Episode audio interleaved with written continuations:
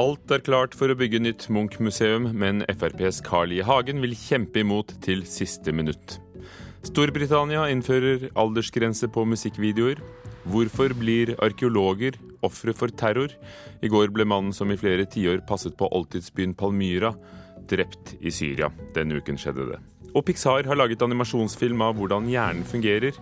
De små grå lever et fargerikt liv, sier vår anmelder. Kulturnytt i Nyhetsmorgen i NRK. Det nye Munch-museet i Bjørvika i Oslo vil ikke koste mer enn den beregnede prisen, som er 2,7 milliarder kroner. Det viser en ekstra kvalitetssikring av prosjektet, som er klar nå. Dermed blir Lambda, som huset skal hete, en realitet i 2019. Nå er det nye Munch-museet et faktum. Og det er kulturbyråd i Oslo, Halstein Bjerke, ganske så fornøyd med. Det er jo veldig godt og betryggende. Eh, og i dag fikk jeg tilbakemeldingen hva gjelder kostnadsrammen for Lambda. I april ba nemlig Bjerke kultur- og idrettsbygg i Oslo om en ny gjennomgang av prosjektet for Munch-museet. Etter at resultatet kom i går, er det nå klart at budsjettet som bystyret har vedtatt på 2,7 milliarder kroner, er nok penger til å bygge det nye Munch-museet, som skal stå klart i 2019. Og da eh, har jeg besluttet at vi nå går videre med arbeidet. Det betyr at vi ikke får forsinkelser, at vi holder fremdriftsplanen og at de første kontraktene på det nye Munch-museet kan inngås eh, i august som planlagt. Men det er ikke alle som kjenner på Bjerkes gode trygghetsfølelse. Det er galskap å bruke, og det kommer til å bli over 3 milliarder, 3000 millioner kroner før vi er ferdig. Sier bystyremedlem i Oslo, Carl I. Hagen, som hele veien har vært imot Lambda-prosjektet. Vi kunne hatt mange sykehjemsplasser, vi kunne hatt bedre veier, vi kunne hatt sykkelveier, og særlig bedre eldreomsorg for alle disse pengene som nå sløses bort. Carl I. Hagen ønsker seg jo ikke noe nytt eh, Munch-museum, og han ønsker seg i hvert fall ikke det nye Munch-museet i Bjørvika som nå hele resten av byen ønsker seg. Vi tok en ekstra gjennomgang, selv om dette prosjektet har vært kvalitetssikret flere ganger tidligere. Jeg er glad for at vi gjorde den ekstra gjennomgangen, men jeg er trygg på at vi kan gå videre i prosjektet, holde fremdriftsplanen og starte byggingen av det nye Munch-museet. Selv om framtida nå er mye tryggere for Lambda, så gjenstår det jo likevel å se hvordan det ender opp til slutt. Hagen har i hvert fall ingen planer om å ombestemme seg i overskuelig framtid. Han kommer til å fortsette å stemme imot budsjettforslagene til Lambda. I hvert fall en god del år, så lenge det er teknisk og praktisk mulig å forandre selve råbygget til eventuelt leiligheter, eventuelt eh, Eh, andre gjøremål og forretninger osv., så, videre, så kommer vi nok til å gjøre det, ja. Men på et eller annet tidspunkt er det for seint, det må jeg bare innrømme. Sa Carl I. Hagen. Reporter var eh, Runa Rød.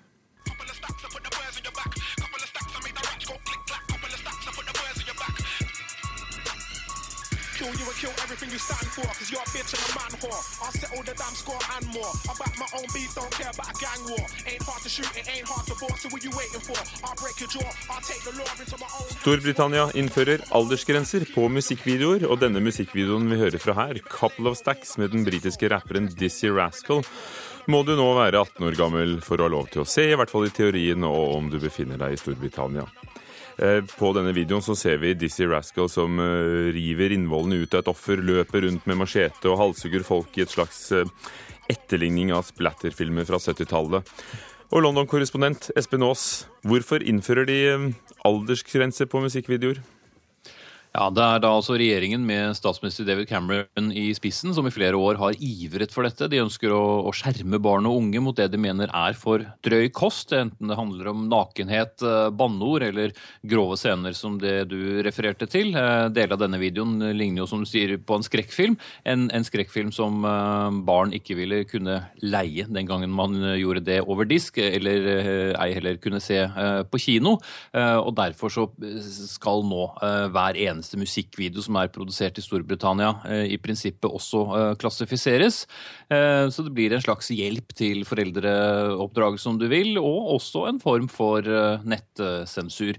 David Cameron sa da forslaget ble lagt frem, at vi kan ikke ha ett sett med regler utenfor internett og et annet på nett, selv om det vel i praksis er sånn. Blir det mange musikkvideoer som da i prinsippet i hvert fall blir utilgjengelige for barn og unge? Det er jo en uh, tidlig fase, og foreløpig er det ikke så mange som har fått uh, aldersgrense. 132 stykker er vel det tallet som jeg har sett, som da er sendt inn uh, for klassifisering. Flesteparten fikk 12 eller 15 års aldersgrense, og noen få, som den vi spilte fra i åpningen her, har da fått 18. Men ærlig talt, tror noen selv i den britiske regjeringen at de klarer å hindre unge fra å gå og se dette på nettet? Det virker slik at eh, denne ehm, Det som da i praksis skjer, da, eh, gitt si f.eks. at du går inn på, på, YouTube, som har lignende regler allerede på, på, noen videoer, så vil du få beskjed om å logge deg inn og sånn sett verifisere eh, alderen din. Eh, og det skal da kunne uh, stenge noen ute. Men som vi vet, internett er internett, og noe som ikke er tilgjengelig ett sted, det vil være tilgjengelig et annet sted. Og selv lenge før internett så var det vel også slik at barn og unge klarte å få se 18-årsfilmer. Det holdt bare å kjenne noen som kunne leie den for deg, eller du kunne kanskje lyve på alderen for å komme deg inn på kino. Så de store eh, endringene vil vel kanskje utebli. Det var faktisk slik, ja. Men, men hvordan reagerer musikkbransjen på, på reglene? Det er jo alltid vanskelig å være den som sier at nei, vi syns ikke at barn og unge skal uh, beskyttes mot, uh, mot sexscener, nakenscener og, og, grov vold. Så de store plateselskapene som uh, Sony, Universal og, og, Warner, og også noen uavhengige, har sagt at dette her er greit. Vi, vi, gjør det. Det er ikke noe de må gjøre, men altså denne litt store håndfull med, med videoer er, er, sendt inn. Og så får vi se hvor Eh, mye dette egentlig har å si. Når du først ser en, en, video på nett, så må du nesten lete etter der hvor det står eh, aldersgrensen.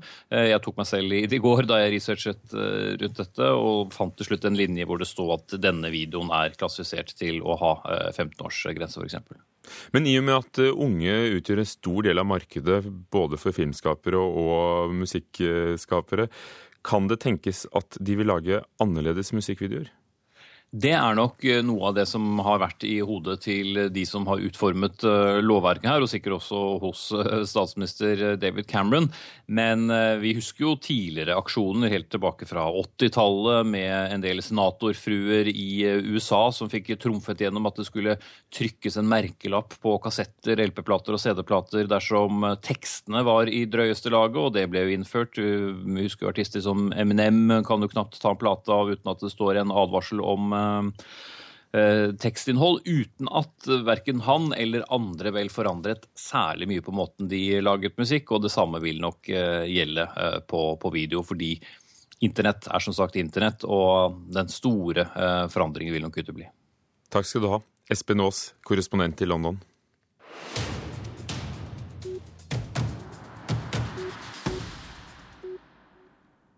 Kunstmuseet Glyptoteket i København er blitt utsatt for eh, det direktøren selv kaller et av de største danske museumstyveriene i nyere tid. Dette står i danske politikken. Mannen med den brukne nese av August Rodin ble stjålet midt i åpningstiden, 16. juli. Dansk politi tror gjerningsmennene har hatt et økonomisk motiv, og at eh, de er internasjonalt organisert. Derfor er både skulpturen og gjerningsmennene etterlyst via både Interpol og Europol, og tyveriet ble først kjent i ettertid. I USA krangler eh, folk om hvor mange som har sluttet å bruke Apples nye strømmetjeneste Apple Music etter at den ble lansert for snart to måneder siden. I en undersøkelse som ble lagt frem av Music Watch på tirsdag, kom det frem at halvparten av dem som hadde prøvd tjenesten, allerede har sluttet å bruke den. Men i går kveld kom eh, datagiganten Apple selv på banen med sine egne tall. De viste at fire av fem som har startet å bruke tjenesten, fortsatt bruker Apple Music.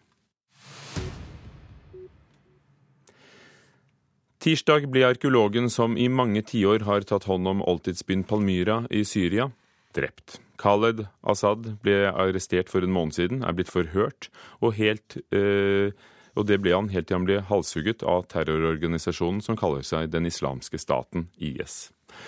Assad ble 82 år gammel, han var en kjent arkeolog, også internasjonalt, og en av dem som kjente ham, også personlig, er deg, Jørgen Christian Meyer, professor i arkeologi ved Universitetet i Bergen. God morgen. Godmorgen. Hvem var Khaled Assad? Han stammede fra en almindelig familie i Pelmyre, som gav ham en uddannelse i Damaskus. Og i 1963 ble han udnævnt til museumsinspektør og arkeologisk sjef for den store region. Han sad i denne stilling frem til 2003, men han bevarede dog stadigvæk sin betydning i årene derefter, både nasjonalt og internasjonalt. Hvordan ble dere kjent? Vi ville gerne starte et projekt nord for Palmyra, og der hadde Khalid en helt afgørende betydning for at vi kunne starte dette projekt. Han fattet tidlig interesse for det, og derfor kom vores ansøgning til Damaskus relativt hurtig igennem. Vi var også tit inviteret hjem til, hjem til ham, hvor vi diskuterede faglige spørsmål, og han var en viktig brik i dette syrisk-norske samarbeidet. For dette prosjektet, som altså ble finansiert av Det norske forskningsrådet, undersøkte da forholdet mellom byen og baklandet, eh, denne byen som en gang var et viktig stopp på Silkeveien. Hva fant dere ut? Vi fant ut av at en storby som Palmyra var nødt til å ha et stort bagland som produserte fødevarer for byen. Og det vi fant der, det var et stort antall landsbyer som man ikke hadde kjent noe til.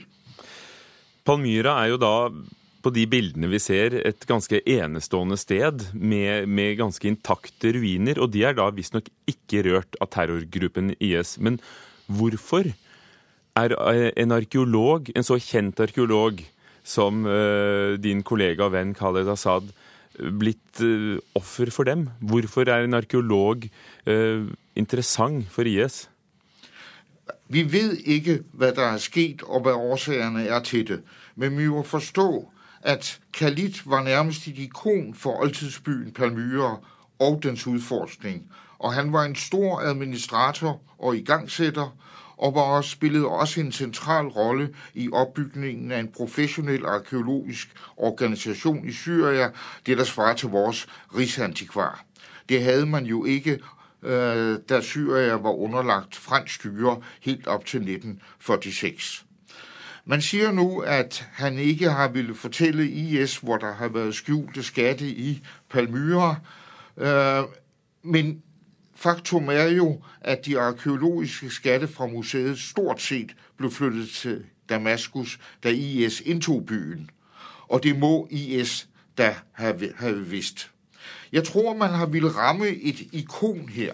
Man har ikke ville ødelegge byen Palmyra, men man har kunnet ramme et ikon, Kalit, som har stået for et ikon som for Palmyra og dens fortidsminder. Og så er der også et annet aspekt her, at det er at Khalids familie og hans brødre, spesielt hans brødre, alle hadde høye posisjoner i det syriske militær og forvaltning. Så det er også et politisk tilsnitt. Hvilke tanker gjør du deg om det som har skjedd og nyheten som kom i går? Jeg er bare rystet. Det er jeg. Og jeg prøver å forstå hva det er skjedd. Men mine tanker går jo også i høy grad til både familien, men også befolkningen i Palmyra, som nå er kommet i klemme mellom IS og så på den ene side og regjeringen på den andre side, som med luftbombardementer forsøger å ta øh, byen tilbake. Det, det her det er en borgerkrig som er helt forferdelig, og med forferdelige konsekvenser, ikke bare for en kalit, men også for befolkningen i Palmyra. Mm. Tusen takk for at du var med, professor i arkeologi ved Universitetet i Bergen, der du satt i vårt studio, Jørgen Christian Meyer. Klokken er blitt 17 minutter over åtte. Du hører på Nyhetsmorgen i NRK, hvor overskriften i dag er at politiet i Thailand tror at så mange som ti personer var involvert i terrorangrepet i Bangkok, og landet ber nå om hjelp fra andre land via Interpol. Norsk politi har ikke fått mer trening i å skyte, dermed bryter politiet rådene de selv ga i en utredning om bevæpning. 12 av 16 reisebyråer som selger pakkereise på nettet, bryter loven, ifølge Forbrukerombudet. De fraskriver seg ansvaret når kunden har problemer med flyselskaper eller hoteller. Og senere her i Kulturnytt skal vi høre om museet som vil gjenskape Edvard Munchs kjøkkenhage. Men først til en av ukens premierefilmer. 'Innsiden ut' går inn i hjernen og ser hvordan vi har det der. Denne animasjonsfilmen fra Pixar i USA tar for seg livet til de små grå, og det er fargerikt. Særlig sorgen er en interessant skikkelse, sier vår anmelder. Men vår anmelder Einvar Gullvåg Staalesen ble også forført av forfilmen som vises sammen med, med Innsiden ut, nemlig Lava. Først er det ganske hett på denne forestillingen. To vulkanske fjell blir forelsket i hverandre. Jeg har en drøm jeg aldri blir lei. At du kan bli hos meg. Og jeg kan bli hos deg. Det er tema i sangen 'Lava'. Den er blitt til en innsmigrende romantisk forfilm til innsiden ut. Maria Arredondo og Torstein Sødal synger den norske versjonen.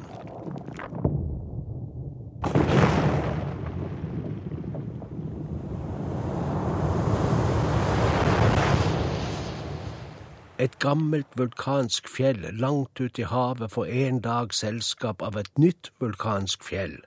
Det fjellet er kvinnelig. De to lener seg mot hverandre. Det oppstår vakre følelser. Vi takker jorda som viste oss vei. Jeg elsker deg. For filmen er et eventyr. Hovedfilmen Innsiden ut er også litt av et prosjekt. Den er også oversatt og dubbet til norsk på alle plan og i alle detaljer. Den er også en film som glanser hverdagen for oss. Jeg er sorg. Å, oh, hallo! Jeg, jeg er glede. Så kan jeg bare Den går i en annen tone og rytme. Den er en beretning fra innsiden der under topplokket sitter en samling fargerike små grå, altså hjerneceller, eller noe annet som styrer sjelen og viljen og humøret og sinnsroen og uroen og vettet og sånn. Hjernen ser ut som et lekeapparat på tivoli, og dessuten som byggesettversjonen av en romstasjon. Det visuelle er plastikk, men vi synes vi kommer ganske tett på livet. Det er ikke fine farger eller er formet som en dinosaur. Vent litt. Det er brokkoli! Æsj! Jeg reddet livene våre. Klinkekulene der inne sendes ut i ulike baner. De kommer til langtidsminne, til korttidsminne, til fantasiland, abstrakte tanker, drømmeproduksjoner AS. Tøyseøya, Vennskapsøya.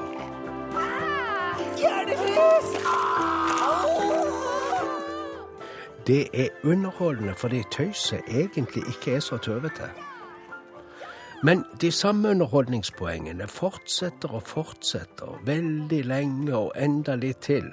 Og det er høy intensitet hele tiden som tærer på kondisjonen, rett og slett. Ok, Vi har en gruppe kule jenter borte til høyre. Hvordan vet du det? Doble hull i ørene, evighetsskjerf. Oi, har hun på seg øyenskygge? Vi vil være venner med dem. Da går vi og snakker med dem. Tuller du, eller? Vi snakker ikke med dem. Vi vil de skal like oss. Oh, ja fra innsiden ut, som Einar Gullvåg Staalesen hadde anmeldt. Og så tar han for seg alle premierefilmene denne uken i Mørkets opplevelser på P2 i morgen tidlig klokken 6, på P1 pluss klokken 19, og selvfølgelig på nettspilleren radio nrk.no hele dagen.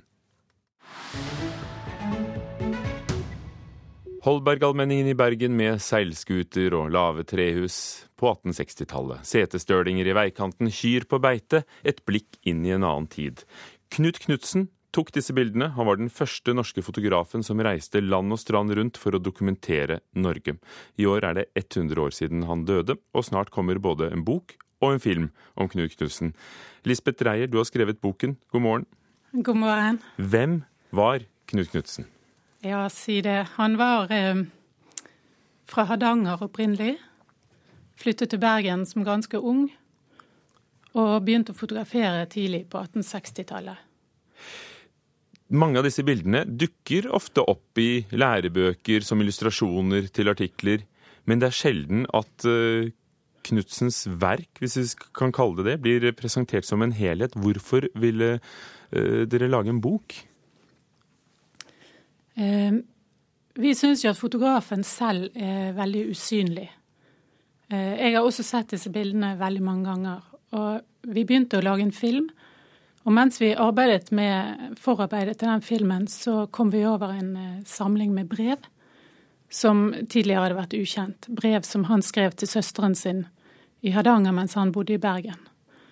Og da fikk vi for første gang hans egen stemme.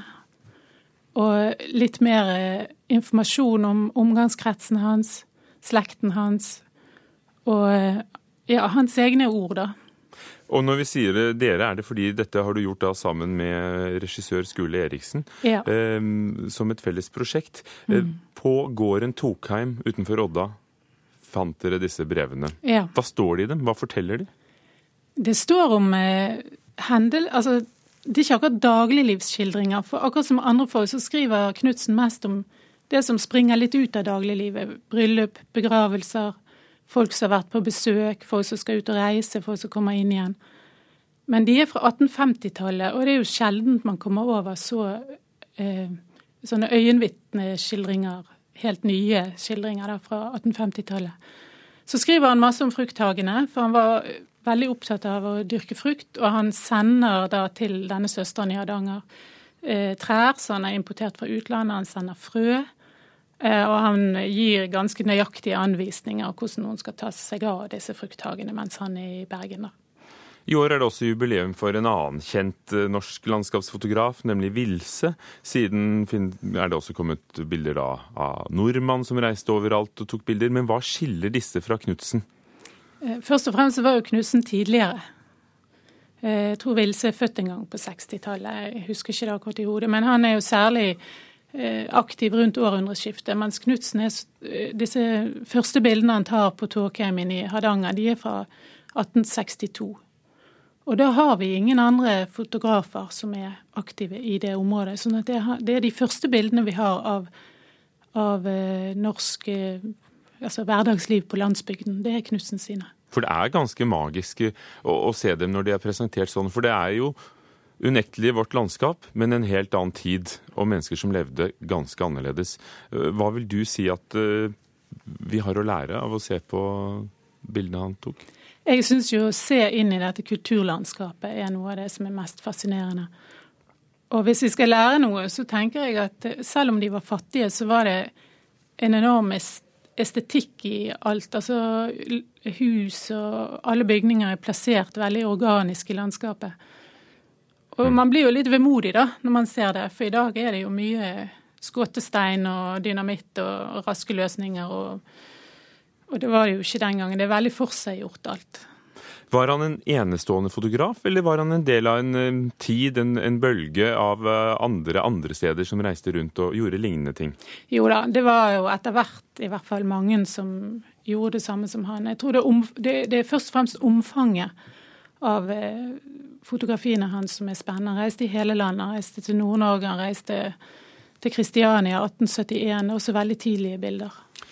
Lisbeth Reier, takk skal du ha. Knut Knutsen har altså 100-årsmarkering siden han døde i, i, år. Og om en stund kommer også da boken som du har skrevet, og filmen sammen med, eh, sammen med regissøren Skule Eriksen. Vi skal eh, flytte oss eh, litt frem i tid, men ikke så langt frem. Vi skal flytte oss til Edvard Munchs tid, da han eh, bodde i Åsgårdstrand i Vestfold, og var visstnok veldig opptatt av hagestell. Vestfoldmuseene vil gjerne sette i stand kjøkkenhagen omtrent slik den en gang var, forteller Solfrid Sakariassen ved museet. Den jeg smakte på i sted, var jo grønn og fin, men helt sånn lysegul. Men sure er de. Men jeg tror man trenger mye sukker i den stikkelsberggrøten. Det er helt klart. Om disse buskene er fra da kunstneren Edvard Munch eide huset, er usikkert, men selv spiste Munch stikkelsbærgrøt med fløte. Munch kjøpte eiendommen i 1898 og hadde den fram til sin død i 1944. Han var opptatt av hagen som ligger i en bakke fra sjøen og opp til Edvard Munchs gate. Nøyaktig hvordan den så ut, er formidlingsansvarlig Solfrid Sakariassen ved Munchs hus usikker på, men en del vet de ut ifra det Munch selv malte, men også fotografier og det han selv skrev om hagen. Og så beskriver han hvordan han har da kirsebærtrær, plommetrær, stikkelsbærbusker osv. som går som en sånn flor da nedover mot eh, vannet. Ennå er Munchs hus og Vestfoldmuseene tidlig i prosessen med å gjenskape hagen og grønnsakshagen. Først skal informasjon samles inn, muligens blir det skrevet en masteroppgave om hagen. Og så må man jo se da om man skal grave for å lete etter spor i hagen. Det er jo vanlig når man restaurerer en hage. Men skulle planene raskt gå igjennom, kan de første plantene i kjøkkenhagen se vårens lys i 2017. Men hva kan det bli aktuelt å plante?